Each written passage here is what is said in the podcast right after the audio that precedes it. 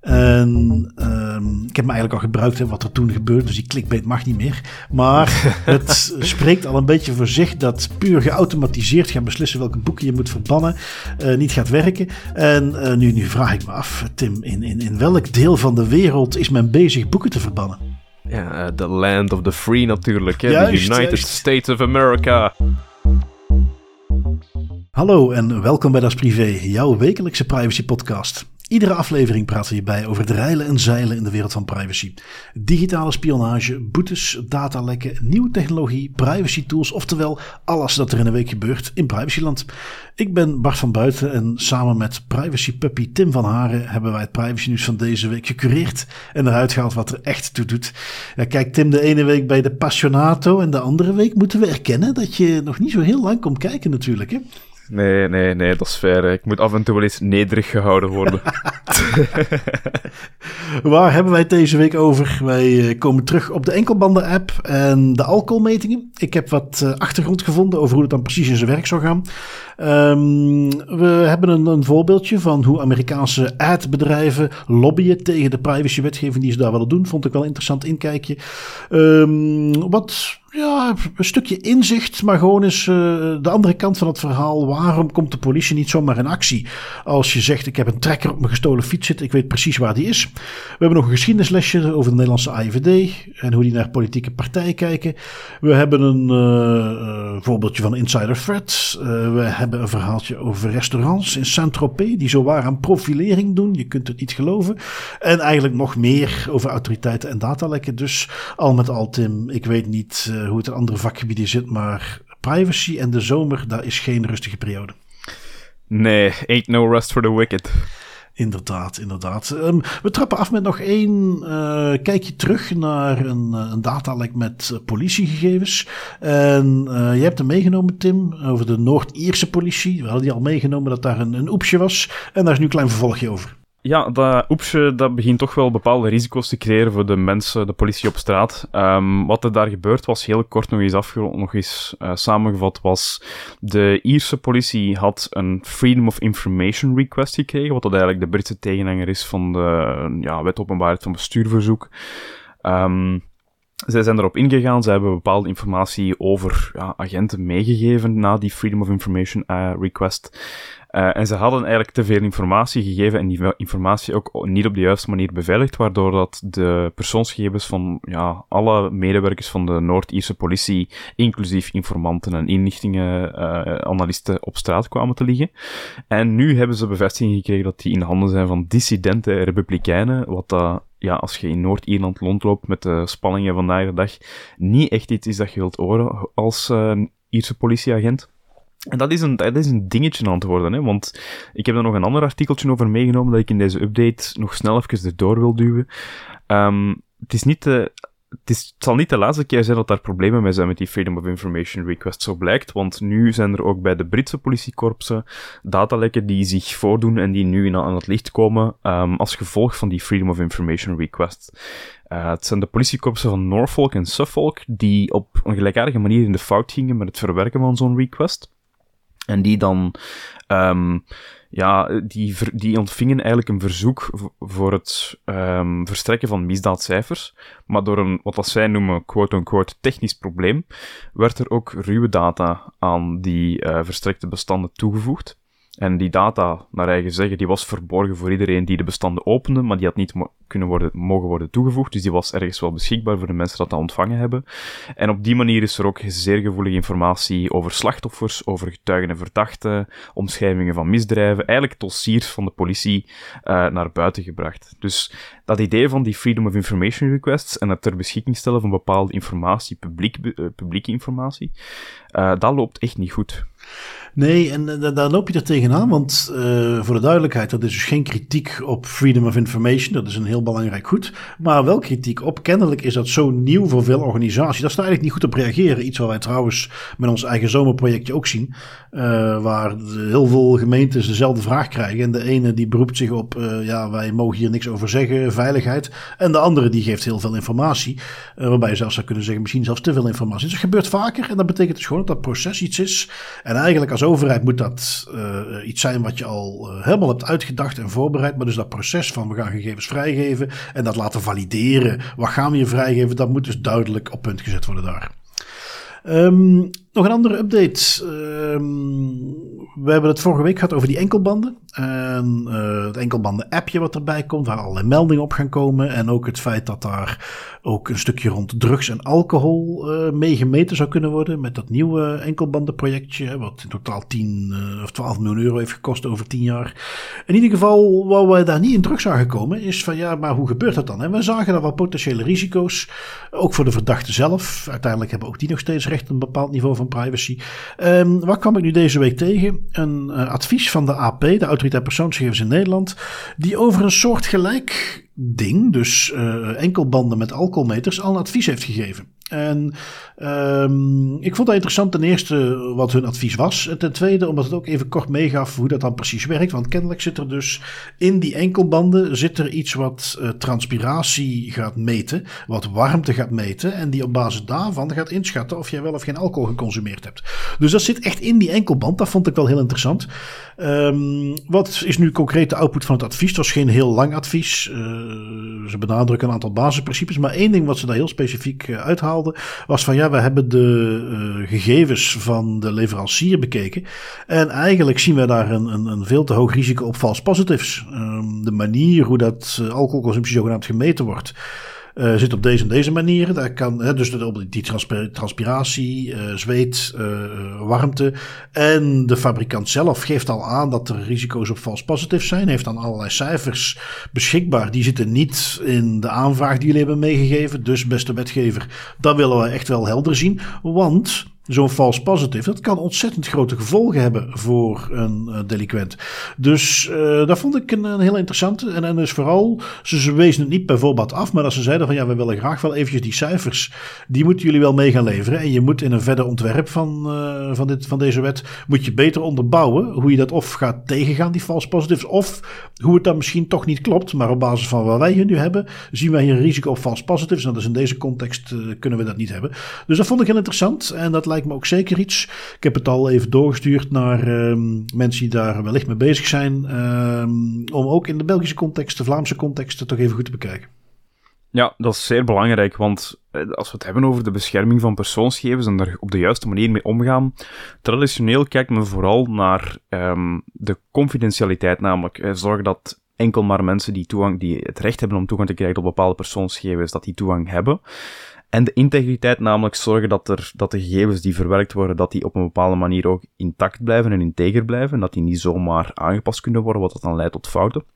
Maar een aspect dat een af en toe heb ik het gevoel een beetje stiefmoedelijk behandeld wordt en wat vergeten wordt, is ja, de juistheid, de accuraatheid van data is ook zeer belangrijk en kan ook een grote impact hebben op betrokkenen als die op de verkeerde manier gerepresenteerd wordt. En dit is een prachtig voorbeeld daarvan, dat je eigenlijk um, ja, een, een, digitaal systeem hebt dat u een output gaat geven van ja, die vent of die, perso die persoon heeft te veel alcohol gedronken of niet, op basis van een aantal fysiologische kenmerken.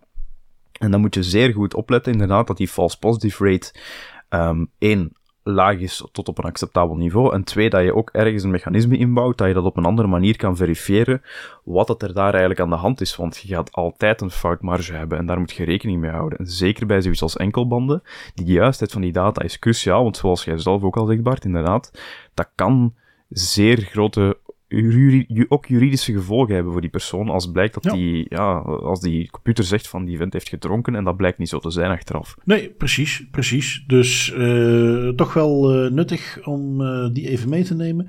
En ja, om dan maar eens te bevestigen dat het allemaal leuk is dat ze extra foefjes gaan stoppen in die enkelbanden, maar daar moet je goed mee uitkijken. Opnieuw, ja. delinquente dagen laten, ook die hebben het recht dat dat soort dingen goed geregeld zijn. Um, wat heb ik meegenomen nog? Een, een artikeltje van uh, Politico.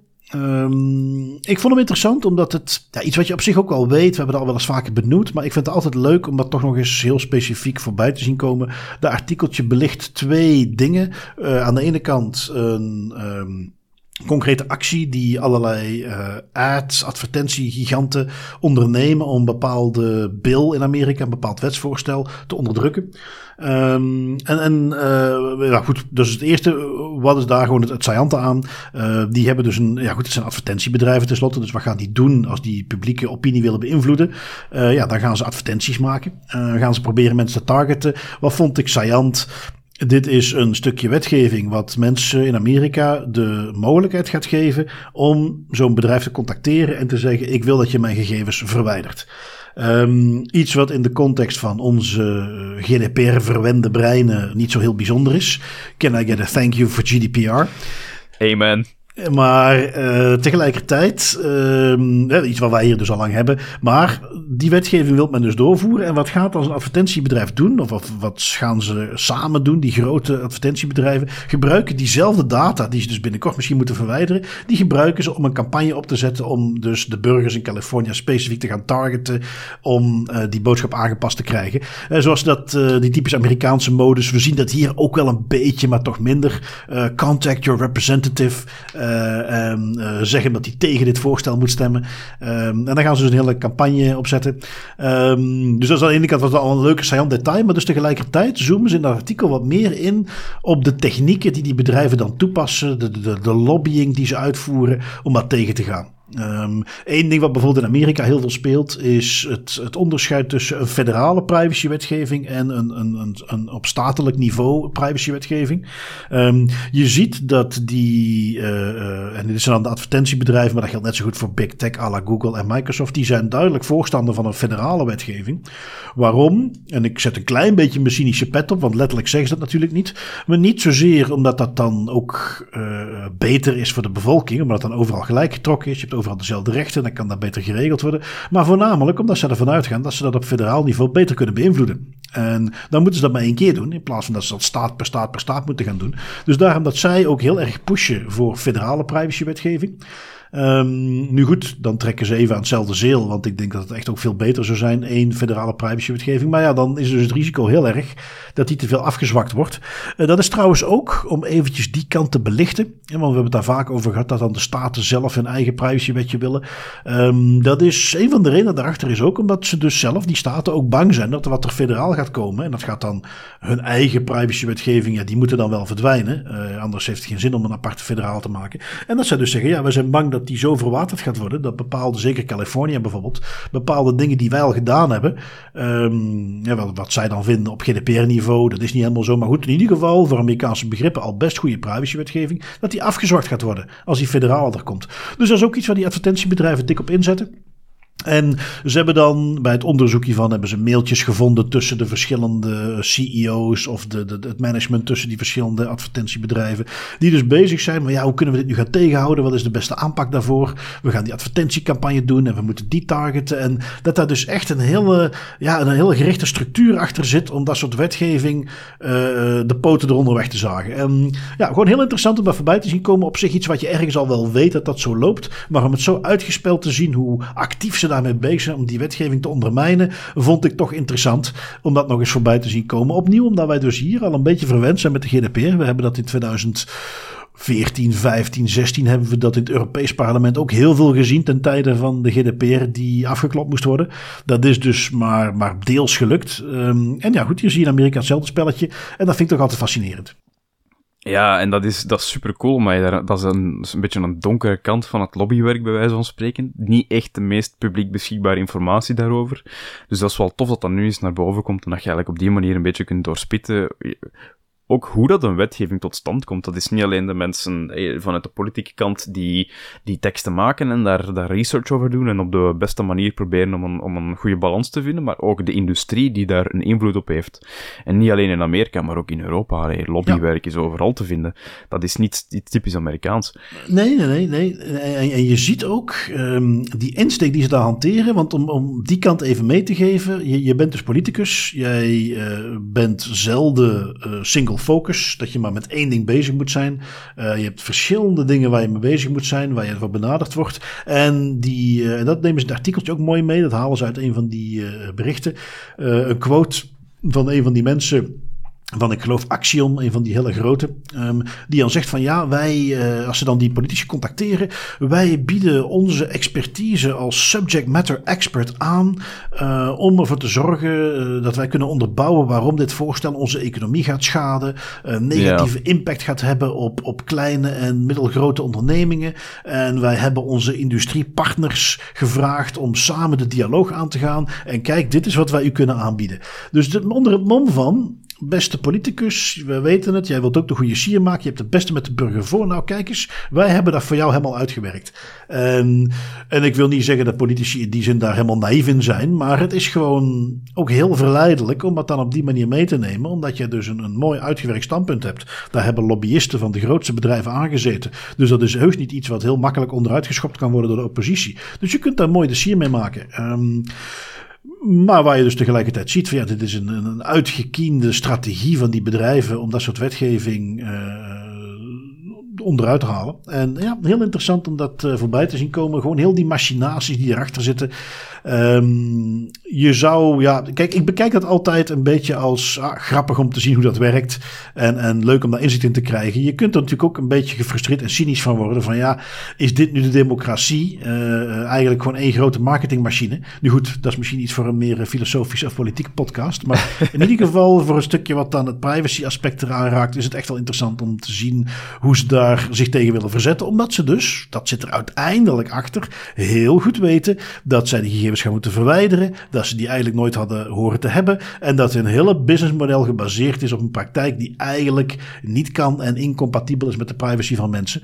En in Europa komt men daar langzaam maar zeker bij door.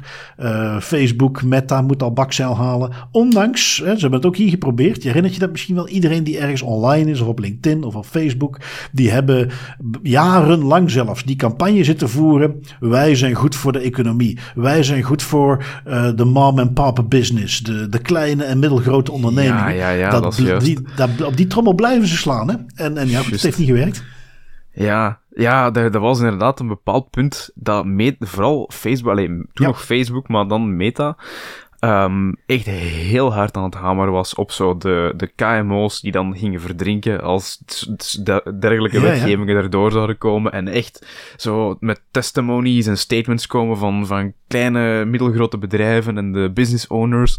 Fantastisch. En jij hebt toch ook iemand gecontacteerd, hè? Ja, ik heb mij toen nog een beetje de toren van een van die kleine businesses uh, op de hals gehaald. Want ik had die advertentie gezien. Ik heb die toen rechtstreeks gecontacteerd. En gezegd van, goh, is dat gegaan? En die heeft daar toen heel open op gereageerd dat ze gecontacteerd was door Facebook en dat ze daar mee mocht werken. En hoe dat voor haar natuurlijk een binnenkopper was, want die kreeg gigantische publiciteit. Uh, maar daar de rand toch niet zo heel blij was dat ik dat dan vervolgens open en bloot op een postje in LinkedIn ook even uit de doeken deed. Dus nou ja, ik was er niet op uit om eh, mensen zwart te maken. Ik heb het dan maar even verwijderd. Maar uh, om maar aan te geven, ja, dat, dat zijn echte machines die erachter zitten om dat recht te trekken wat hun betreft dan, hè, qua dat soort wetgeving. Um, andere machinaties en opvolgingen en andere manieren van in de gaten houden zitten natuurlijk bij uh, inlichtingendiensten. En uh, jij had een interessant geschiedenislesje meegenomen van de Nederlandse inlichtingendienst, de AIVD, of toch een voorloper daarvan, de BVD. Hoe die zich bezighouden als er een nieuwe politieke partij de kop opduikt. Ja, ja, inderdaad. Het is een, een kanon van een artikel van NRC. eigenlijk te veel. Het is vol met gouden elementen, maar het is eigenlijk te veel om allemaal op te noemen nu. Dus ik raad het zeker iedereen aan om het ook gewoon eens te lezen. Zullen het zeker in de show notes zetten. Maar inderdaad, um, dat artikel dat gaat eigenlijk over de, de voorloper, de precursor van de AIVD, de Nederlandse Inlichtingendienst, de Binnenlandse Veiligheidsdienst, de BVD. En die, die BVD, ehm, volgens dossiers die recent um, toegevoegd zijn aan bepaalde archieven en op die manier ook publiek toegankelijk zijn geworden, um, hield de BVD tussen 1949 en 1995 structureel um, bepaalde politieke partijen in de gaten. En dat ging redelijk ver. En welke politieke partijen? Wel de middenpartijen van het Nederlands politiek veld, de CDA, de PvdA, de VVD, um, die waren niet echt het onderwerp van uitvoerige analyses en van uitvoerige spionagewerk, om het zo te zeggen, eigenlijk, want dat is het. Um, het ging vooral over de politieke partijen die de status quo en die het systeem uitdaagden. Eh, extreem links en extreem rechts. Um, kanttekening daarbij ook zeker belangrijk is dat dat vooral in de jaren 50, 60, 70 gebeurde um, in de context van de Koude Oorlog. tussen de Verenigde Staten en Rusland, de Sovjet-Unie toen nog. Ehm, dus er was vooral interesse in, in de eerste instantie de communistische, extreme communistische partij en dan de extreme rechtse partij. Dat is waar dat de BVD zich op toespitste. Um, en wat er eigenlijk gebeurde volgens die dossiers, en dat is, ik vind dat razend interessant, want dat is echt bijna zoals in een spionagefilm. Die politieke partijen die werden stelselmatig geïnfiltreerd en daar werd over gerapporteerd. Um, dat ging over partijen zoals de SP, de Boerenpartij, de Centrumpartij, de, um, zowel de politieke meetings tussen die partijen en in die partijen zelf, als ook de politieke ruzies, de conflicten, um, de, de ja, onderhandelingen en de manier van werken, dat werd stelselmatig geïnfiltreerd, afgeluisterd en geobserveerd. En eigenlijk ging het zelfs nog verder dan de politieke activiteiten van de politici. Ook het, het privéleven, het persoonlijk leven van die politici werd uh, uitvoerig beschreven in dossiers. Um, zeker bij de meer prominente leden die een duidelijke luide stem hadden en die een bepaald idee hadden over hun partij. En dan komen daar elementen in tegen in die dossiers, en dat zijn quotes uit, het, uit de, de rapporteringen van de BVD zelf. Um, de vrouw van een partijgenoot van Hans Janmaat zocht een avontuurtje in de sterke armen van de centrumpartijvoorman. Daan Monnier scharrelde met een grietje uit Nijmegen Joop Glimmerveen, trouwens fantastische achternamen, gaf regelmatig briefjes aan vrouwen die hij leuk vond. En dan, fantastisch, ook deze liefdestoenaderingen werd niet beantwoord. Een en ander heeft tot gevolg dat Joop het dus niet meer zo ziet zitten. Dat zijn de observaties die in die nu publiek gemaakte dossiers uh, te vinden zijn. En dat, ging, dat gaat zomaar door. Hè. De Binnenlandse Veiligheidsdienst um, heeft zo op die manier eigenlijk ja, van de jaren 50 tot 90 toch bij de meer extreme politieke partijen uh, alles in het oog gehouden als het aankomt om die politieke partijen. En ik vond dat, ik vond dat best wel interessant. Ja, ja, ja, ja. Het, inlichtingenwerk. Het is nou eens net een van de weinige instanties. Want met dat het zo zegt, we hebben het al wel eens eerder benoemd, dat uh, eh, NSC-organisaties aangeven van ja, maar veel van deze data is ook gewoon te verkrijgen bij de Googles van deze wereld. Die houden dat ook allemaal bij. Die kunnen op basis van alle data ook zien dat je dit soort dingen doet. Uh, daar een beetje jaloers van. Want dit is nu net een van de weinige dingen die een inlichtingendienst mag dat effectief doen. Zij zouden eigenlijk de enige moeten zijn die als het inzicht kunnen verwerven. Um, ik denk als de, wat natuurlijk niet zo is, daarom is het een geheime dienst, een inlichtingendienst. Uh, de dossiers van staatsveiligheid of de AIVD in Nederland, als die uh, inzichtelijk zouden zijn, dat je daar op dit moment nog steeds dat soort dingen uit gaat halen. Want uh, ja, een naam, zeker in Nederland, voor onze Nederlandse juist een naam zoals Jan Maat, hè, dat, dat, dat is zeer bekend. in, daar gaat zeker bij iedereen een belletje door rinkelen. En dan snap je ook meteen, ja, een inlichtingendienst moet dat soort mensen in de gaten houden. En als die scharrelen, is dat iets wat in de context, opnieuw, enkel alleen van de inlichtingendienst, relevante informatie is. Want dat gaat uh, dat, dat geeft aan in wat voor manier mensen beïnvloed kunnen worden, waar ze mee bezig zijn. Ik, ik snap het wel, maar het is heel interessant om dat eens voorbij te zien komen. En dan krijg ik altijd zoiets van, ik zou toch ook stiekem heel graag willen weten, hoe gaat dat er nu aan toe bij een AIVD en bij staatsveiligheid? Want het kan niet anders dan dat die ook nu... Ik pak eventjes, um, in, in, Nederland is er een leuke aanleiding, uh, omdat daar weer eens een nieuwe politieke partij is opgericht. Um, Pieter Omtzigt, een, uh, ja, je hebt in uh, Nederland de partij het CDA. Ik denk dat je het nog het beste kunt vergelijken met CD&V in België. Um, hadden een, een partijlid wat heel activistisch was, die veel interessante dossiers ook aanpakte. daar ook zijn tanden in vastbeet en niet losliet. En dat leidde op een gegeven moment tot dermate veel spanningen in zijn partij dat hij eruit gezet is. Maar daar was vanwege die activiteiten een van de populairste, ja, de populairste politicus van Nederland. Um, heeft dan onafhankelijk eventjes geweest zoals het dan gaat. Maar die heeft nu dan voor de volgende verkiezingen um, heeft hij, hè, want in Nederland is regering gevallen, heeft hij zijn, uh, zijn eigen partij opgericht. Onofficiële peilingen uiteraard geven aan dat hij weer de grootste gaat worden. Uh, om het politieke landschap in Nederland nog maar wat verder te versplinteren. Um, maar je mag er dus uh, gif op innemen dat er uh, flinke dossiertjes bij de AIVD liggen over de heer Omtzigt en wat hij allemaal uitsteekt. Ja, ja, dat is iets. De NRC is ook met die vraag zelf naar de AIVD gegaan en heeft gezegd van, hé, hey, rekening houden met alles wat er in die nu recent publiek ja. gemaakte dossier staat. Um, doen jullie dit nog? Doen jullie dit nog in dezelfde mate? Is dit nog iets, uh, ook het privéleven en het seksleven van die politici, is dat ook iets dat jullie nog in het oog houden? En IVD heeft daar eigenlijk weinig verrassend op gezegd, no comment. Um, en wel verwezen naar ja, hun, hun mission statement, wat dat onder andere ook inhoudt dat zij extreem politieke activiteit in de gaten houden in Nederland. Tuurlijk, tuurlijk. En het is ook een stukje makkelijker geworden. Hè? Vroeger moest je dan Ja, eh, allerlei eh, monitoring gaan doen, real life, om dat soort dingen te achterhalen. Nu is het een kwestie van gewoon de cookies van Pornhub en OnlyFans te pakken krijgen. En je weet precies wat die persoon aan het doen is. Dus wie weet dat het tegenwoordig een stuk makkelijker gemaakt wordt om dat soort surveillance uit te voeren. Of hey, zoals de NSC, je koopt het gewoon online in een, in een relatief publiek beschikbare dataset. Dat kan natuurlijk ook nog. En aanzienlijk makkelijker dan eh, je fiets terugvinden als die gestolen is of een ander gestolen goed. Ehm, want dat is het volgende puntje wat ik wilde meenemen. Het was een, een blog van eh, Arnoud Engelfried in eh, Nederland en volgens mij ook wel in België wellicht. Maar in ieder geval bij mij ook zeer goed gekend als een, een, een blogger over allerlei privacy topics. Ehm, en hier en dan een beetje een uitstapje, eh, maar ik vond hem wel interessant. Ergens weet je dat wel, maar goed, hij had het dus over van ja, Steeds vaker loopt de politie er tegenaan. Dat had dan de NOS in Nederland, had daar ook een artikel over. Eh, die worden steeds vaker gecon- geconfronteerd met burgers die zich melden van... hé, hey, eh, er is iets van mij gestolen, maar er zit een tracker in. Hè, denk zo'n AirTag. We hebben die zelf twee jaar geleden of zo in de podcast ook eens getest. Eh, dat ik die in mijn vrouw, met toestemming voor de duidelijkheid, de handtas had gestopt. En dat, die, eh, dat ik inderdaad perfect kon volgen waar ze was. Nou, dat geldt natuurlijk ook als je dat ding met een flinke berg lijm onder het zadel vastpakt. De doorsnee dief gaat daar wellicht ook nog niet naar kijken. En ja, ik weet, jij, jij hebt misschien ook wel eens zo'n verhaal gehoord, Tim. Ik zeker ook van mensen die zeggen: ja, ik ben dan bij de politie geweest en die doen daar gewoon helemaal niks mee. Um, ook al kan ik ze precies zeggen, kijk daar ligt hij. Uh, gestolen laptops, al ken ik trouwens het omgekeerde verhaaltje van uh, een organisatie waar laptops gestolen waren. Die dan waren geactiveerd en waar ze dus wel ook een IP-adres hadden, waar ze wel naartoe zijn gegaan. In ieder geval dat verhaal van uh, ze doen er niks mee, ook al kan ik ze precies laten zien waar die ligt. Dat heb ik al veel vaker gehoord. Nou, dit blogje van Arnoud ging er wel op in. Ja, waarom doen ze daar dan niks mee? En twee belangrijkste punten worden er eigenlijk aangehaald. Het eerste, zeker, gewoon als klein uitstapje, maar je hebt nu de ANWB die in Nederland geen verzekering meer afsluit op fatbikes. Ik weet niet of je ze kent. Fatbike is zo'n elektrische fiets, maar dan zo weet je maar van die hele dikke banden. Een beetje Ah, ja, Harley ja. Davidson vibe die erbij zit. Ehm, volgens hen is er in Amsterdam een 90% kans dat die gestolen wordt als je zo'n ding hebt.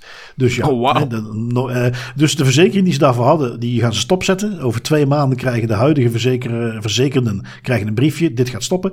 Ehm, want dat is niet meer te verzekeren op de manier zoals het nu is.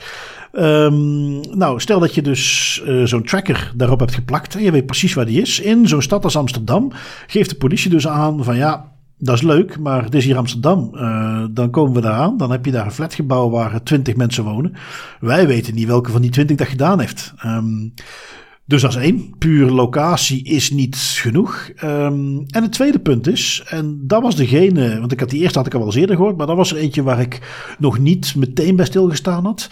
Uh, maar, en het gaat uit van Nederlandse wetgeving, maar volgens mij, en uh, beste juristen die luisteren, corrigeer me zeker als ik dat verkeerd heb, en dan corrigeren we dat volgende aflevering. Maar je hebt hier hetzelfde principe, namelijk als je te goeder trouw als consument iets koopt, heb je ook een bepaalde bescherming. Het is te zeggen, stel jij gaat in een winkel, koop jij zo'n fatbike. Die blijkt gestolen. Die winkel die heelt dat. En die verkoopt dat als gewoon een officieel normaal product. Dan als je dat als consument koopt, kun je niet zomaar dat afgepakt worden. Jij hebt dat zelf te goeder trouw gekocht en je hebt als consument ook bepaalde rechten. Um, en dat is dus iets wat, men, wat, wat Arnold ook benoemde. Dat is ook een van de redenen waarom de politie dus niet zomaar dat ding weer terug gaat halen. Want voor hetzelfde geld is dat een consument en, en ja, speelt daar veel meer. En dan zouden we dan moeten kunnen... En dan miste ik dan daar een beetje van, ja, maar dan kun je er alsnog toch heen gaan. En dan contacteer je die consument en dan vraag je, uh, hoe kom je aan die fiets? Um, en dan zijn er twee antwoorden van, uh, uh, een beetje stil, ja, dan weet je ook genoeg. Of het antwoord is van, nou kijk, hier is een factuur, ik heb dat gewoon bij die, die winkel gekocht. Ik zou denken, daar moet je blij mee zijn, want dat betekent dat jij dus eigenlijk bij die winkel langs kunt en daar waarschijnlijk een hele kring van fietsendieven aan kunt pakken meteen. Want als één zo'n fiets daar verkocht is bij een fietsenwinkel, dan mag je er rustig van uitgaan, dat zal niet de enige zijn. Um, en ik vond, daar had nog iets uitgesproken mogen zijn, wat subtiel uh, hintte Arnold daar ook wel op, want ik vind dus dat, dat dat tweede aspect van ja, het is een consument die hem gekocht heeft, ik vind dat ergens ook wat theoretisch. Um, ja, dat kan. En er zijn voorbeelden van bekend tussen haakjes. Van winkels, die, fietsenwinkels bijvoorbeeld, die op die manier gestolen fietsen weer verkopen. Maar één, het is toch dan nog steeds interessant om daarheen te gaan. Want dat kan je alleen maar helpen om die heel die winkel en alles wat eraan vasthangt uh, op te rollen. Uh, en twee, Of dat nou echt het meest voorkomende uh, verhaal is als een fiets gestolen is en ze weten waar die staat, dat geloof ik ook niet. Dat zal over het algemeen echt wel naar de fietsendief zelf leiden. Um, dus ik, ben er niet ineens van, van oké, ik snap waarom de politie er niks mee doet. Het is wel wat meer uitgeklaard. Ik, ik uh, heb er iets meer begrip voor. Maar dan neem je weg dat ik nog steeds vind, uh, oké, dat locatieding, ja, oké, is het maar een fiets? Kun je je misschien afvragen, is het de effort van de politie waard dat ze daarheen gaan en gaan uitzoeken wie in die flat is het juist? Maar um, dat laatste stukje uh, van die consument die beschermd moet zijn, ik zou denken dat het alleen maar nog meer reden is om erheen te gaan. Want het kan ervoor zorgen dat jij een hele bende zowat kunt oprollen of een hele winkel die daar een gewone praktijk van heeft kunt aanpakken. En dat zou ik ook wel interessant vinden. Dus ja, dat algemeen, zo dat, dat die andere kant van dat waarom gaat de politie niet meteen op pad bij een locatietracker, vond ik interessant. Ja, ja, interessant. En, en alle argumenten waar ik aan dacht van, ah ja, maar dan kan de politie dit of dat doen. Naarmate dat uw verhaal vorderde, werd dat allemaal weer licht. Het enige, het enige waar ik nog aan denk, wat dan een klein beetje een, uh, ja, een variëteit is op verschillende soorten fietsen, stickers en markeringen die je eigenlijk in verschillende steden kunt laten doen om ook te bewijzen dat die fiets van u is, dat dat ook ergens daarin staat, bij wijze van spreken. Iets wat de politie bijvoorbeeld wel zou kunnen doen, en dit is natuurlijk heel theoretisch en, een beetje fantaseren, maar je zou bijvoorbeeld wel kunnen zeggen van oké, als er een trekker nog altijd op die fiets staat, en je weet wel dat die fiets staat, um, dat de politie daar gewoon naartoe gaat en daar een of andere industriële sticker opplakt, die je er niet gemakkelijk afkrijgt, met daarop deze fiets is gesend als gestolen. Als je die gewoon gekocht hebt, kom even aanmelden en dan rapporteren we dat, dan regelen we dat. Dat je op die manier toch iets doet. Want ja, niets doen vind ik ook maar gemakkelijk. Om te zeggen van, kijk, sorry, maar... Uh, allee, dat is er gemakkelijk van afmaken, vind ik eerlijk gezegd. Terwijl er denk ik wel mogelijkheden zijn om op zijn minst te signaleren dat die fiets al geseind staat als gestolen. En ten tweede, mocht die door een consument gekocht zijn, inderdaad bij een fietsenwinkel, dat dat dan ook op uitgeklaard wordt. Want anders dan Zit je daarmee? Uh, het is dat een beetje waar ik. Um, je ziet er steeds meer ook. Ik heb de andere variant ook gehoord bij mensen die zo'n ding, een airtracker in hun bagage hebben gestopt een AirTag. En de vliegtuigmaatschappij zegt dan: Ja, we zijn uw bagage kwijt, we weten niet waar die is. En dat je dan je telefoontje boven had van: Kijk, ik weet precies waar die is. Hier is hij, regel het. Um, wat is dan het meest frustrerende als er vervolgens niks gebeurt met die informatie? En, en dat is waar, zelfs als de politie uiteindelijk vindt dat ze er niet meteen iets mee kunnen doen. Um, of, of niet op de manier dat de, de eigenaar van het gestolen goed dat het liefst zou willen. Doe er iets mee. Laat op de een of andere manier blijken dat je er iets mee doet. Want er is mhm. niks frustrerenders als je spullen gestolen hebt, wat op zich al al niet altijd traumatisch misschien, maar toch echt wel impact heeft op een persoon. En om dan vervolgens te weten, daar staat hij. En dan naar de politie te gaan en daar uh, nul op request te krijgen. Want, en dat is één ding wat in het blogje ook niet wordt aangehaald. Uh, waar ik niemand toe wil aanzetten. Maar persoonlijk, ik kan mij best voorstellen, als het belangrijk genoeg is. En ik weet waar dat ding staat. Ja, sorry jongens, dan ga ik hem zelf wel En mhm. wie weet dat ik me daar dan gigantisch in vergis en uh, in elkaar geslagen of neergestoken ergens teruggevonden wordt. Wie weet dat de dief zich daar gigantisch in vergist en dat ik zoiets ga uithalen, wat je natuurlijk ook niet wilt. Uh, in ieder geval, ook dat is een negatief gevolg wat makkelijk kan ontstaan. Hè? Want opnieuw, er is niks frustrerenders dan zo'n ding gestolen te hebben gehad en te weten waar die staat en dan bij de politie te komen en die zeggen, dat doen we niks mee. Ja, en als je inderdaad de verzekeringsmakelaars hebt die vlak af zeggen: Sorry, maar we gaan dit soort verzekeringen voor dat soort fietsen gewoon vlak af stopzetten, omdat het 9 kans op de 10 is dat hem gestolen wordt, dan zit je wel met een structureel probleem dat aangepakt mag worden. Ja, ja absoluut. Dan is het niet gewoon een one-off ding waar je geen middelen in moet steken. Nee. Nee, um, wat hebben we, uh, om die een beetje af te ronden, we hebben nog iets meegenomen. Um, het is wel een beetje een tikkeltje Nederlandse theme, uh, deze aflevering. Niks mis mee. Um, want dit is een uitspraak van de rechtbank Gelderland. ja, je hebt zo'n mooie website in Nederland, rechtspraak.nl, waar op een heel uh, goede manier uit, recht, uitspraken van rechtbanken worden, uh, gewoon worden weergegeven. heel, heel mooie bron van informatie ook altijd. Een heel transparant iets. Dit viel mij op. Dit was meer een soort artikeltje. Ik had eigenlijk verwacht dat we de uitspraak van de rechter daar terug zouden zien komen. Dat, dat was niet. Maar waar ging het nu over? Dit was een medewerker van een tandartsenpraktijk. Die uh, in Arnhem. Die in uh, de vakantieperiode uh, daar alleen zat. En die om de een of andere reden besloot om uit het bestand gegevens van medewerkers en klanten van de tandartsenpraktijk eruit te halen. Um, daar zijn ze achter gekomen Die eh, persoon is daar ook voor uh, aangeklaagd. Die heeft een taakstraf van 120 uur gekregen. Um, maar wat bleek nu, en dat is hetgene wat, wat ja, ik, je moet dat misschien in deze context niet zeggen, maar waar ik alleen maar kan meegeven, dat heeft hij slim bekeken. Misschien op advies van zijn advocaat. Want die werd dus gevraagd, wat heb je met die gegevens gedaan? En daar heeft hij op gewijd, heeft hij op zijn zwijgrecht beroepen, heeft hij gezegd, daar wil ik niks over zeggen. En ik denk dat dat waarschijnlijk wel eens een hele slimme keuze geweest kan zijn. Want wij weten allemaal waar dat soort gegevens voor gebruikt worden. Die worden of verkocht, die worden doorgegeven aan criminele vriendjes. Um, daar worden dingen mee gedaan die over het algemeen niks te maken hebben met, uh, ik wil graag mijn uh, mondhygiënist een bloemetje sturen. Daar zit vaak iets heel anders achter. Uh, maar dus die persoon, en, en vaak krijgen wij wel een beetje mee wat er dus mee gebeurd is. Is doorgegeven aan een criminele bende of, of wat dan ook, is verkocht deze man heeft daar niks over willen zeggen. En heeft denk ik daarom uiteindelijk maar een taakstraf van 180, 120 uur gekregen. Um, voor het, het, ontvreemden van die gegevens. Um, dat terzijde, het had erg kunnen zijn, maar laten we ook niet vergeten, dit is iets wat tien jaar geleden amper als een, een, een, rechtbankwaardig feit beoordeeld zou worden. En je ziet nu toch echt steeds meer dat het, het verhandelen, het ontvreemden van persoonsgegevens, dat men dat echt als een misdrijf is gaan zien. En dat vind ik een interessante evolutie, uh, die voor mij, even als klein uitstapje, de weg wat plaveit om ook gewoon puur het feit dat jouw gegevens gestolen zijn, uh, te zien als iets waar je een, een schadevergoeding voor moet kunnen krijgen. Want dat is een discussie die heel veel loopt in privacyland. Uh, de GDPR voorziet immateriële schadevergoedingen, maar wanneer is dat dan? En dit zijn wat voorbeeldjes van die me steeds meer onderbouwen. Ook het feit dat de plegers van dat soort misdrijven steeds vaker echt een straf krijgen, tot aan gevangenisstraf aan toe.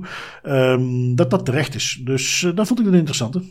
Ja, dat is een heel interessante. Um, en ook die discussie over wanneer kan je eigenlijk gaan spreken van het lijden van bepaalde schade waarvoor je een schadevergoeding eh, voor kunt krijgen. Daar is recent nog een uitspraak geweest bij, ik denk dat het Hof van Justitie van de Europese Unie was, waarin het dat ook duidelijker werd gemaakt wat de elementen zijn die noodzakelijk zijn om schade te gaan attribueren en een, eigenlijk een recht te hebben op een schadevergoeding.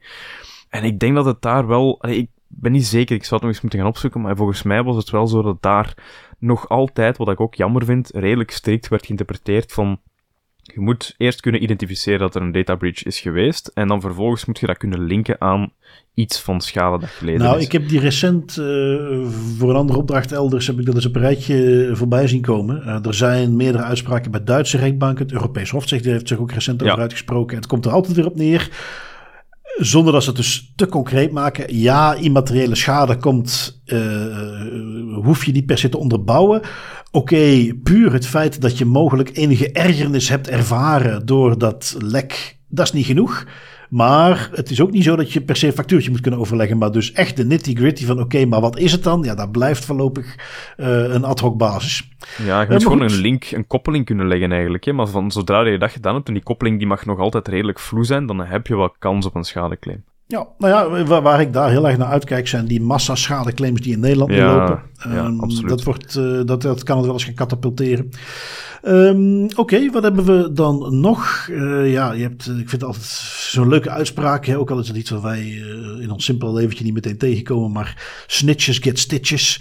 Ook bij de politie. Daar heb jij er dus eentje van meegenomen. Want het ging over een Britse agent die iemand had, had getipt die EncroChat gebruikte. Een van die geëncrypteerde chatdiensten waar de politie binnen was gedrongen. En wat er toen gebeurde... Ja, dat raad je nooit, inderdaad.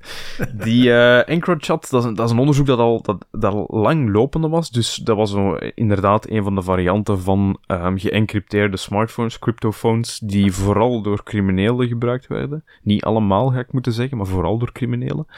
En um, de politie had die geïnfiltreerd. Dus die, die gebruikers wisten eigenlijk niet dat hun communicatielijnen afgetapt werden. Uh, ze hadden die geïnfiltreerd in dit geval met een soort malware volgens de politie zelf. En um, wat blijkt nu na onderzoek, uh, ook dankzij de berichten die naar buiten zijn gekomen, um, er was een Britse politieagent, uh, specifiek iemand die bij de ja, intelligence analyst was, dus die vooral met informatie en met inlichtingen werkte bij de politie. En die um, had ook informatie gekregen in verband met het EncroChat-onderzoek en die heeft vervolgens die informatie, het feit dat, dat, dat die communicatielijnen afgetapt werden door de politie, heeft die doorgespeeld naar een vriend van haar. En die vriend heeft dat vervolgens uiteraard doorgespeeld naar een heleboel andere personen. En dat heeft, ja, dat kan een potentiële impact hebben gehad op de effectiviteit van uh, het onderzoek. Het onderzoek is nog altijd een gigantisch succes, dat mag duidelijk zijn, maar ja, je weet niet, de, die informatie wordt wijdverspreid over een bepaald netwerk van criminelen en misdadigers. Uh, dat kan er wel voor hebben gezorgd dat bepaalde mensen ze hebben gestopt met die communicatie. Nu, dat is interessant, maar wat dan nog veel interessanter is in mijn ogen ook, is hoe dat men uh, die agenten heeft gevat. Want men heeft op een bepaald moment gemerkt door onderzoek dat um, er informatie naar buiten lekte over dat EncroChat-onderzoek. Men is dan via het onderzoek bij die agenten terechtgekomen als de vermoedelijke dader van het lek. Um, en wat men toen heeft gedaan is super interessant, want men heeft eigenlijk op dat moment een vals uh, logbestand met informatie van het EncroChat-onderzoek doorgespeeld naar die agenten. Met informatie over de vriend waar zij naartoe rapporteert, bij wijze van spreken. Uh, valse informatie. En op die manier, omdat hij dat dan vervolgens ook doorspeelde, hebben ze haar kunnen vatten, omdat zij de enige was die eigenlijk in het bezit was van die valse informatie. En op die manier eigenlijk met een soort, ja, uh, fake stukje informatie dat zij vervolgens heeft doorgespeeld, waardoor dat zij zichzelf markeerde als de dader, hebben ze haar kunnen vatten. Mooi man, mooi, mooi, mooi, mooi, mooi. Bedrog en intrige, wheels within wheels. Ja, ja, ja. ja, ja. Leuk, leuk, leuk. ja. ja, nee, heel goed. En, en ja, uh, het, het, is eventjes wat weg geweest. We hebben dan eventjes een tijdje heel veel gezichtsherkennings gehad en dan weer transen naar Amerika. Maar nu is hij weer eventjes terug, de insider threat.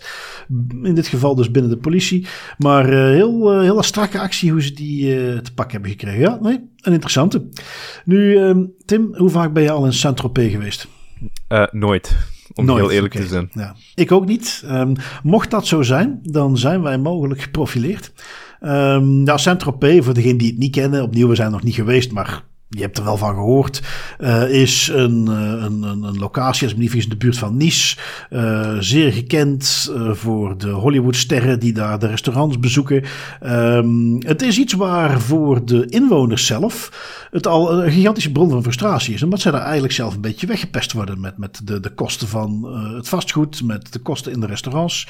Um, kennelijk is dat nog niet goed genoeg, want die restaurants die zijn begonnen om, om selectief te gaan zijn met hun klanten. Niet zozeer uh, dat ze gewoon kijken of je goed gekleed bent als je aankomt zetten, maar dat je zelfs op niveau van de uh, reservatie wordt je al om informatie gevraagd. Hebben ze kennelijk databases waarbij gehouden wordt?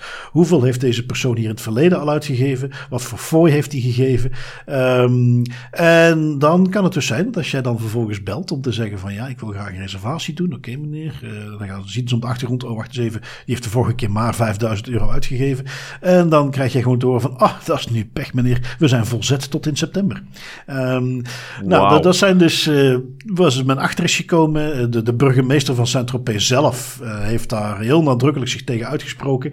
Uh, ze hebben nu ook stickers overal opgehangen om mensen aan te moedigen om dat te gaan melden als ze van dat soort dingen gehoord hebben.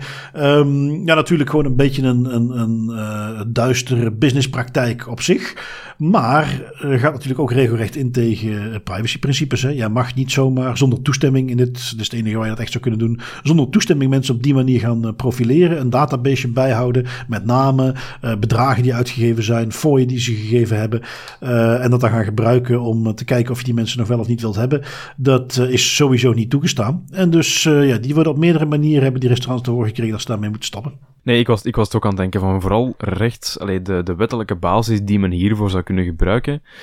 Uh, je kunt het niet altijd zeggen. Er zijn heel, er zijn heel veel andere uh, rechtsgronden die je ook kan gebruiken. Maar in dit geval lijkt toestemming wel de enige. En ik durf er prat op gaan dat die niet gevraagd wordt. En als ze al gevraagd zal zijn, dan waarschijnlijk onder een of andere dikke dark pattern. In lagen, in lagen van terms and conditions. Volledig op de verkeerde manier. Dat je er eigenlijk zelfs geen geldige toestemming meer kunt geven. Want ook, ja, alleen je zou, sommige mensen zouden misschien denken van, hé, hey, uh, zou een gerechtvaardigd belang hier ook niet werken, maar als je dat dan vervolgens door je legitimate interest assessment, je toetsing om te gaan bepalen of je gerechtvaardigd belang niet zwaarder, wel zwaar genoeg doorweegt in over de rechten en vrijheden van betrokkenen, ja. dat zou sowieso falen. Dus, damn, dat, ik hoop dat de knil hier meteen opspringt, om heel eerlijk te zijn. Ah, ja, die, die heb ik eigenlijk helemaal niet genoemd zien worden. Maar inderdaad, waarom niet? Um, want ja, het leidt er dus toe. Hè, we zijn al aan, soms zeggen ja, de tafel is tot september uh, volzet. Een andere variant die kennelijk lijkt te bestaan, dat ze zeggen ja, tuurlijk, we hebben een tafel, maar dan moet je minimaal 1500 euro per persoon uit gaan geven. Anders mag je niet reserveren. Um, per persoon? Per persoon, ja. ja, ja. Uh, als we het even over uh, first world problems hebben. Een ja. uh, toch zeker ook niet onbemiddelde Italiaan. Die had de krant, The Guardian in dit geval, had hij ook te pakken gekregen. Die zei dat hij tot in de, de parking achtervolgd was door de ober. Omdat hij maar 500 euro fooi had gegeven. Wat 10% van de rekening was. in, in plaats van de gewoonlijke 20%. Um, dus ja, iets waar wij wellicht nog niet snel tegenaan gaan lopen, Tim. Maar toch leuk om die kant van de wereld ook eens mee te maken. Ja, inderdaad, inderdaad. Jezus, dat is echt uh, astronomisch. Ja, en dus ja goed, zelfs al krijg je per tafel 5000 euro, nog steeds niet genoeg om dan te zeggen we gaan mensen profileren dus. Um, wat hebben we nog? Een uh, verhaaltje, ja, allee, dat mag niet ontbreken. Een ChatGPT'tje. Uh, ChatGPT gebruikt om boeken te verbannen.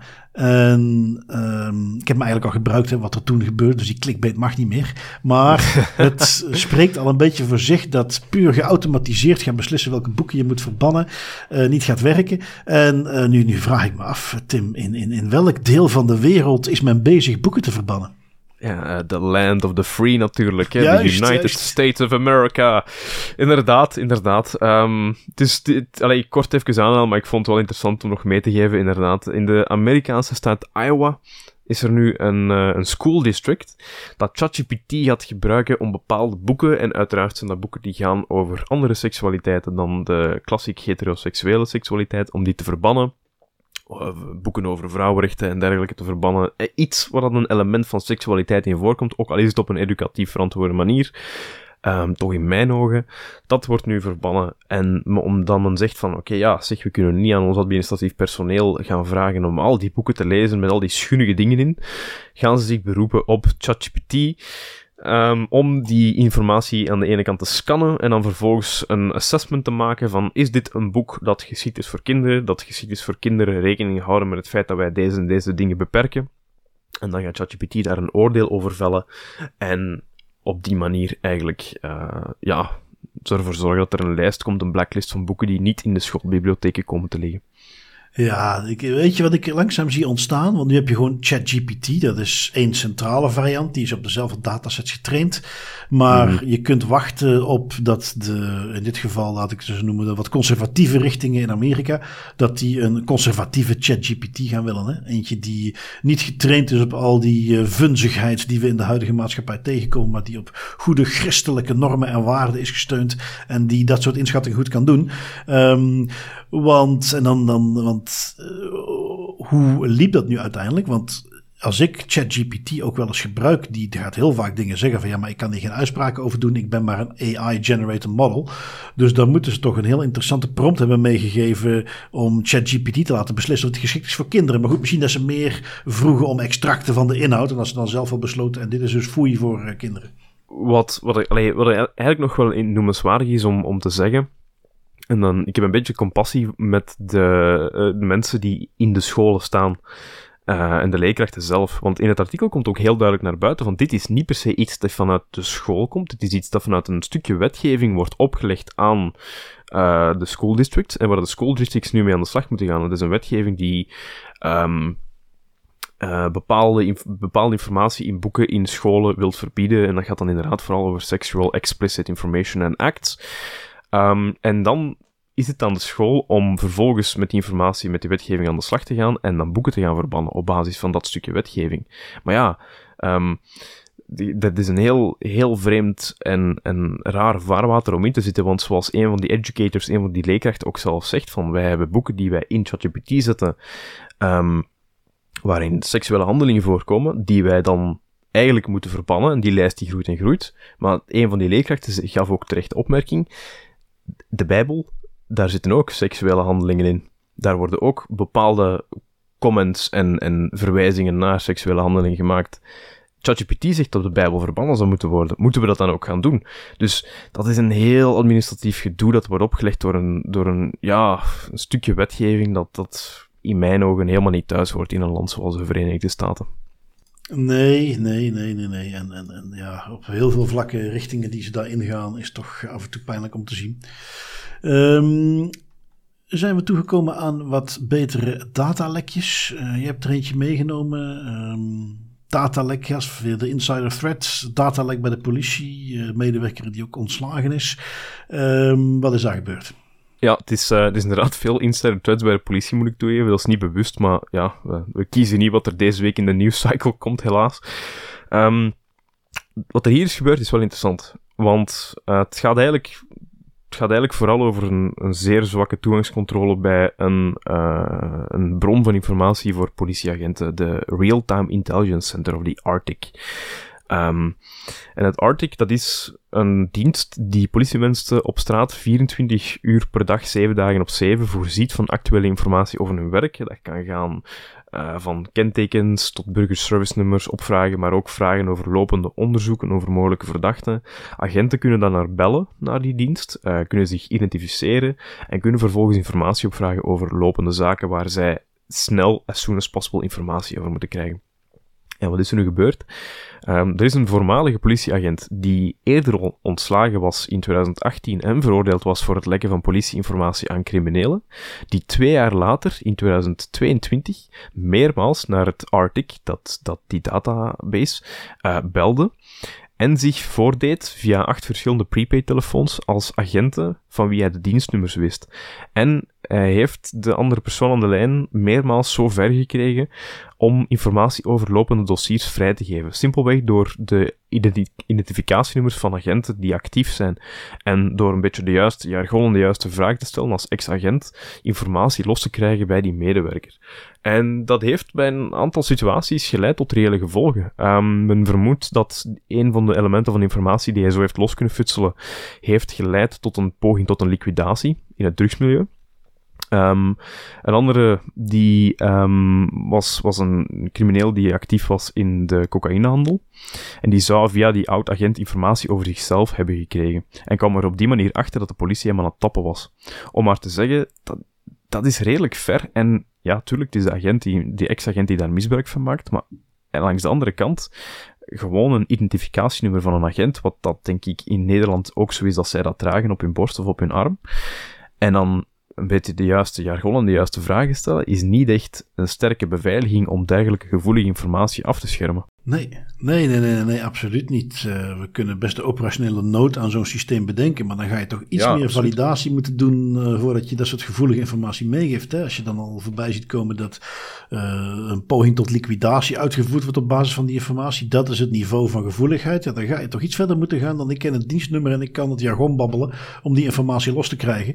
Um, ja, ergens het is social engineering zoals ergens anders, hè? maar waarbij ze bij contactcenters ja. van een telecomoperator toegang krijgen tot de, SIM, het nummer van iemand. Met alle gevolgen van die is het hier tot andere hele gevoelige gegevens. Dat moet echt beter zijn. En voor de volledigheid, uh, dit is gewoon in Nederland. Hè? Dit is niet een of ander obscuur systeem in Amerika. Arctic uh, klinkt heel uh, Amerikaans, maar het is gewoon in de politie van Apeldoorn ja. waar dit plaatsvond. Dus uh, nee, nog maar eens een, een, een warme oproep aan uh, alle polities wereld, uh, Europees wijd zullen we maar zeggen, om dit soort systemen, dit soort manieren om informatie te kunnen raadplegen, om daar een uitstekende logging op te hebben, dat je weet wie heeft het gedaan en de authenticatie tot die informatie ook veel beter te beveiligen dan telefonisch toegankelijk. En ja, het gaat dan de uitdaging zijn van politiediensten om het aan de ene kant operationeel werkbaar te houden. Die informatie moet snel en makkelijk toegankelijk zijn en dat toch niet te makkelijk te doen en dat is een mm uitdaging waar ik me prima van bewust ben. Maar je ziet wat de gevolgen zijn. En dat betekent dus, daar ga je echt je best voor moeten doen om het goed te doen. Um, wat hebben we nog? Misschien gewoon leuk om kort te benoemen. Dus het, het, het uh, Latitude, Australische kredietverstrekker, uh, hebben wij destijds ook al eens benoemd. De klassieke ransomware, uh, heel veel data gelekt. maar nu gaven ze voor het eerst dan ook via hun jaarverslag of halfjaarverslag inzicht in de kosten van zo'n datalekje. Ja, inderdaad. Het is een uh, kredietverstrekker in Australië die um, de gegevens van 14 miljoen klanten eh, heeft gelekt. Allee, of, die zijn gelekt de, um, door, een, door een cyberaanval, volgens mij. En uh, ja, ze waren slachtoffer van, van criminelen die die gegevens hadden buitgemaakt.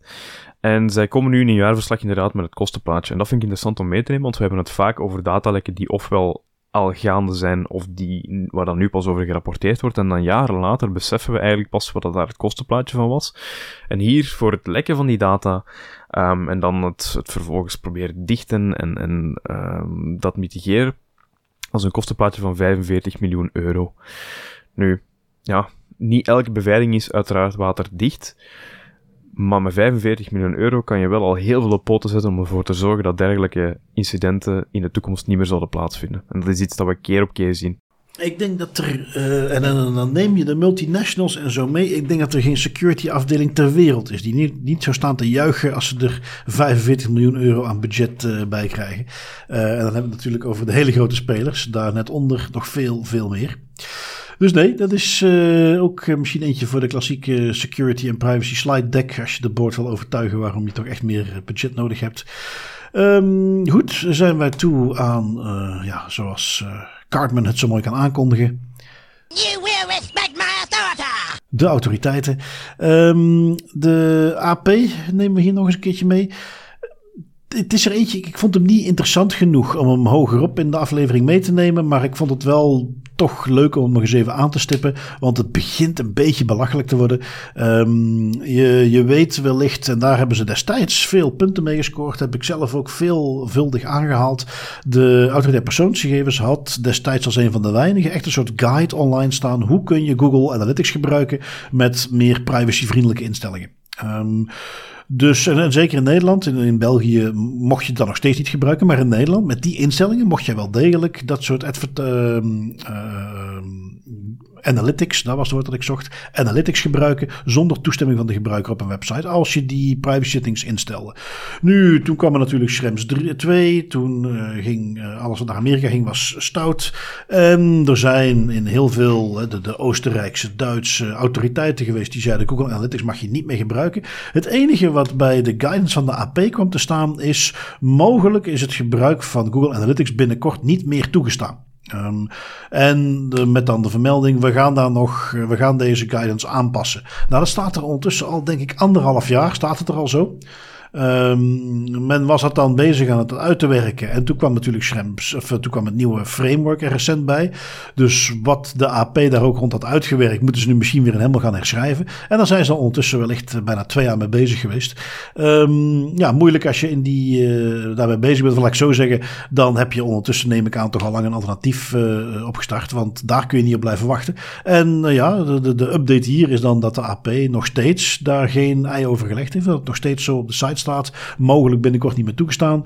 Uh, ja, toch niet uh, de, de sterkste en uh, meest resolute actie die de AP had kunnen nemen. Liepen ze een beetje achter de feiten aan. En laat dat nu net zijn waar het artikeltje wat jij nog meenam ook over ging. Namelijk de, de zaak die ze tegen DPG hadden aangespannen. Waar ze ook iets te uitgebreide tijd hebben genomen. Ja, ja, inderdaad. En dat ervoor heeft geleid dat DPG nu geen boete mag worden opgelegd. Um, wat was daar eigenlijk gebeurd? DPG vroeg in het kader van inzageverzoeken en rechten van betrokkenen om je identiteit te, te, ja, te verifiëren aan de hand van een kopie van je identiteitsbewijs. In sommige gevallen kan dat proportioneel zijn en kan dat de juiste manier zijn om, om ervoor te zorgen dat jij geen informatie meegeeft aan iemand die zich voordoet als bijvoorbeeld Tim van Haren. Maar in andere gevallen moet je ook nadenken, zijn er geen minder invasieve manieren om uh, de identiteit van iemand die een recht op inzage uitoefent, om dat eigenlijk uh, te, gaan, te gaan controleren en verifiëren. Nu, het probleem is dat de AP een boete wilt opleggen aan DPG over een dossier dat eigenlijk veel te lang bezig is geweest. Het is zo dat in 2018 is de AP begonnen met, met een toezichthouding, omdat toen ook de GDPR-wetgeving in werking trad. Um, en in 2019 nam de AP voor het eerst contact op met DPG. DPG reageerde enkele weken later op het initiële contact met de AP. De AP had vervolgens vijf maanden lang nodig om, om te reageren op vragen, op, bepaalde klachten die ze had binnengekregen. Um, DPG reageerde vervolgens weer al een aantal weken later en dan bleef het heel lang stil bij de AP. Um, dat was een van de omstandigheden die aangekaart werd van kijk, de, de communicatielijn tussen DPG en AP langs de kant van AP was zeer vertragend en was zeer lang. En een ander kritiekpunt uit de uitspraak van de rechtbank blijkt, is dat de handelswijze van AP omtrent die zaak um, niet goed zat en dat ze eigenlijk in een veel eerder stadium al hadden kunnen concluderen dat het opvragen van die informatie, van die identiteitsbewijzen, dat dat eigenlijk niet de juiste manier was om daarmee om te gaan, dat dat niet in verhouding stond. En had dat ook al kunnen meegeven aan DPG Media, wat dat de AP niet heeft gedaan. Nota bene, terwijl de DPG zelf in e-mailcommunicatie expliciet vroeg van, mogen we dit nu nog wel doen of niet, waar dat de AP niet op heeft geantwoord. Dus, langs de ene kant, als toezichthouder hebben ze daar natuurlijk geen punten mee gescoord, door over een zeer lange baan eigenlijk een beetje radiostilte te houden over hun adviseer, over het stukje adviseren van dat bedrijf, dat ook vraagt van, zijn we op de juiste manier bezig of niet? En langs de andere kant willen ze dan een boete uitgeven. Daar heeft de rechtbank wel van gezegd van, ja nee, dat, dat gaan we nu niet doen. Nou ja, goed, uh, weinig op af te dingen, denk ik. En, en ja, een probleem waar heel veel autoriteiten tegenaan lopen. Hè? Dat, dat duurt allemaal te lang. Ja. Um, privacy pointers om af te sluiten. Jij hebt iets met AI meegenomen. Uiteraard, uiteraard. Het kan niet ontbreken. Hè. Um, wat ik heb meegenomen is eigenlijk een, een speltje dat je kan spelen in de webbrowser. Gandalf AI. En de bedoeling is heel simpel. Um, de makers, dat is eigenlijk een, een soort custom ChatGPT, um, artificial intelligence, en daar hebben ze bepaalde beveiligingsmaatregelen ingebouwd om ervoor te zorgen dat je een, een keyphrase, een wachtwoord, niet zomaar kan vrijgeven. En de bedoeling is dat je aan de hand van zeven levels die stelselmatig lastiger worden, uh, probeert om de artificial intelligence en de beveiligingsmaatregel te omzeilen om op die manier het wachtwoord vrij te geven. En dat begint heel simpel. Je geeft mij het wachtwoord en dan stelselmatig moet je eigenlijk meer en meer moeite doen om, ja, uh, prompt injecting te doen, bij wijze van spreken. Hè, om een prompt in een prompt te gaan steken, zodat de artificial intelligence in de war raakt en u informatie geeft die het eigenlijk niet mag geven. Ja, ik vond, het een, uh, ik vond het een leuk spelletje. Ik heb hem ook even gespeeld. Uh, level 7 is volgens mij het hoogst haalbaar. Nou, level 4, toen uh, had ik het wel gehad. Toen kostte het me te veel moeite om het wachtwoord eruit te krijgen. Maar ik vond het een heel leuk spelletje. Um, wat heb ik nog meegenomen? Dat is een, um, misschien meer iets om in de gaten te houden. Dat is er nog niet helemaal. Je, je, je, moet nu ook, je kunt je aanmelden, krijg je een invite als het zover is. Maar dermate interessant dat ik hem zeker al even wilde meegeven. Um, dat is uh, beeper.com. Uh, Beeper is een, um, een tooltje wat ervoor zou moeten zorgen dat je alle messaging services, Signal, WhatsApp, Matrix, etc. allemaal op één centraal punt kunt binnenkrijgen, end-to-end encrypted. Dus ja, klinkt super interessant. Ik heb me in ieder geval alvast aangemeld om dat eens te gaan testen. Uh, het zou voor mij een heleboel dingen oplossen. Uh, dus ja, die wilde ik even meegeven. Beeper.com. Oké, heel cool. Dat, is, dat zou een fantastisch probleem oplossen. Hè? Want al die chat-apps daar in verschillende omgevingen zitten, dat is, het is een beetje lastig aan het worden. Precies, precies. Dus ja, wie weet, zeker eentje in de gaten te houden. En ja, daarmee zijn we weer aan het einde gekomen van een aflevering. Ik zou zeggen, Tim, jij bent weer heel erg bedankt voor jouw tijd. Luisteraars, jullie ook zoals altijd bedankt om weer naar ons te luisteren. Feedback mag je altijd doorsturen, laat het ons zeker weten. Dat horen we graag en daar kunnen we iets mee. En uh, anders zou ik zeggen, tot volgende week. Ja, Bart, zoals altijd met heel veel plezier en tot volgende week.